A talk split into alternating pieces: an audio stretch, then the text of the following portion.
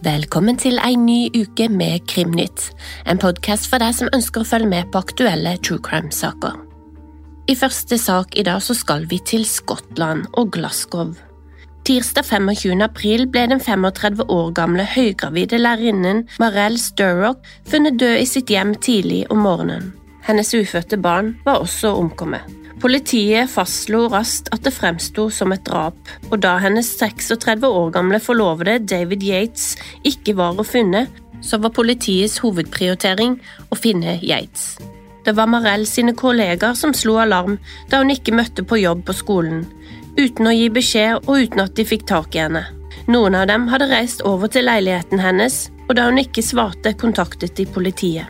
To dager senere, torsdag 27. april, etter en storstilt leteaksjon og søk i luften og på land, fant politiet liket av Marell sin forlovede David Yates i et reservat på innsiden av Mugdog County Park i East Dunbartonshire.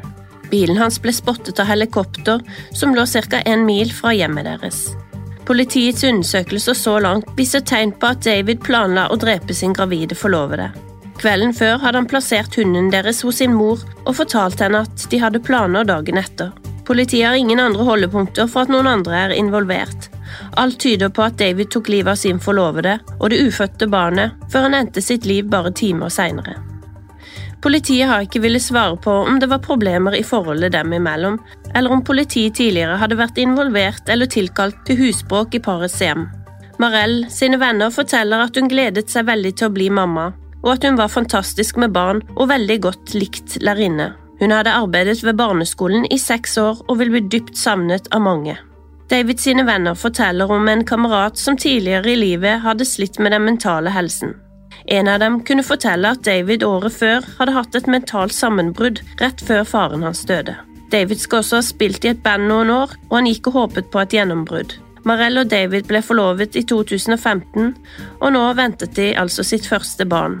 Ifølge naboen pleide paret ofte å gå tur med hunden i parken hvor David ble funnet død. Saken er ennå under etterforskning, og de vil forsøke å finne ut hva som fikk David til å ta livet av sin forlovede, det ufødte barnet og til slutt seg selv, slik at familien kan få svar på denne fryktelige tragedien. 1. mai ble syv døde kropper funnet i Oklahoma, fem barn og to voksne. Jesse McFadden var mannen som bodde på eiendommen, sammen med sin kone Holly og hennes tre barn. Venninnene 14 år gamle Ivy Webster og 15 år gamle Brittany Brewer hadde vært på overnatting hos McFadden sine stebarn, og når de ikke kom tilbake, ble familien urolig og meldte dem savnet. Politiet visste godt hvem Jesse McFadden var. Han skulle nemlig møte i retten samme dag for barnepornografi og oppfordring av mindreårig til seksuell atferd. McFadden hadde tidligere sona 20 år for voldtekt av 16 år gamle Crystal Strong. Hun kjempet for at McFadden ikke skulle løslates for tidlig, men til ingen nytte. I 2020 ble han sluppet ut. Det var i 2016 at han ble tatt for å sende seksuelle bilder fra en telefon i fengsel til en 16-årig jente, og det var for dette han nå skulle møte i retten.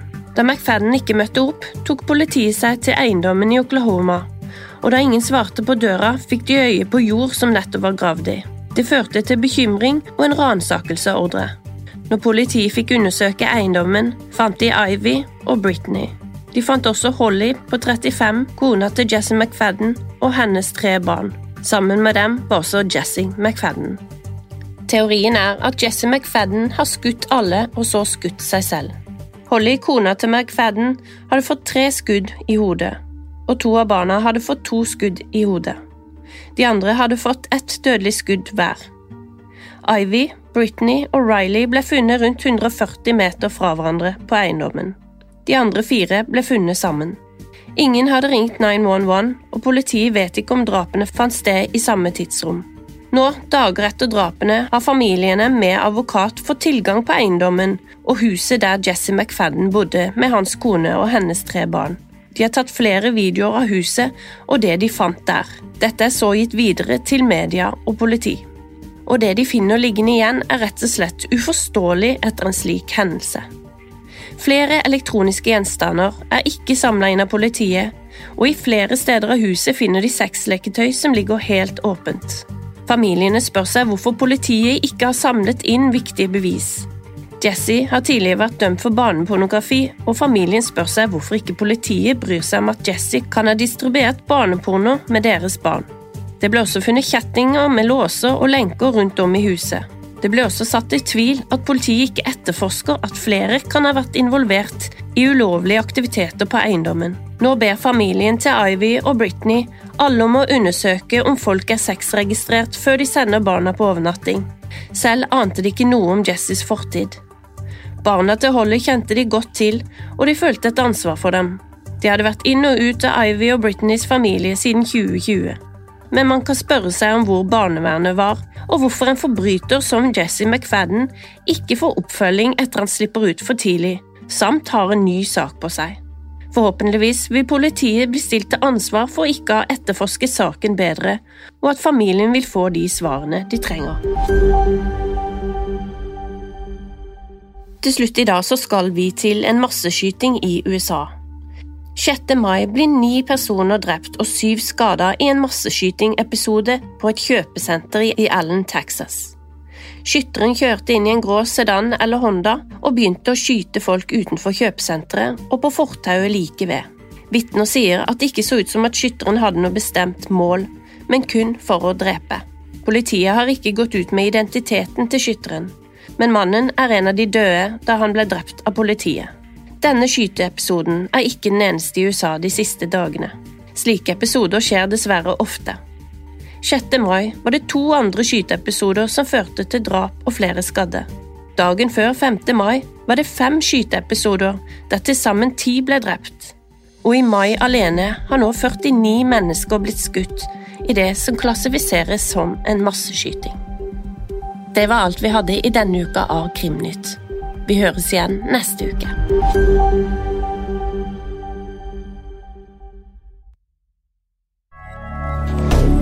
Moderne media. Har du et enkeltpersonforetak eller en liten bedrift? Da er du sikkert lei av å høre meg snakke om hvor enkelt det er å sende faktura med fiken. Så vi gir oss her, fordi vi liker enkelt. Fiken superenkelt regnskap. Prøv gratis på fiken.no.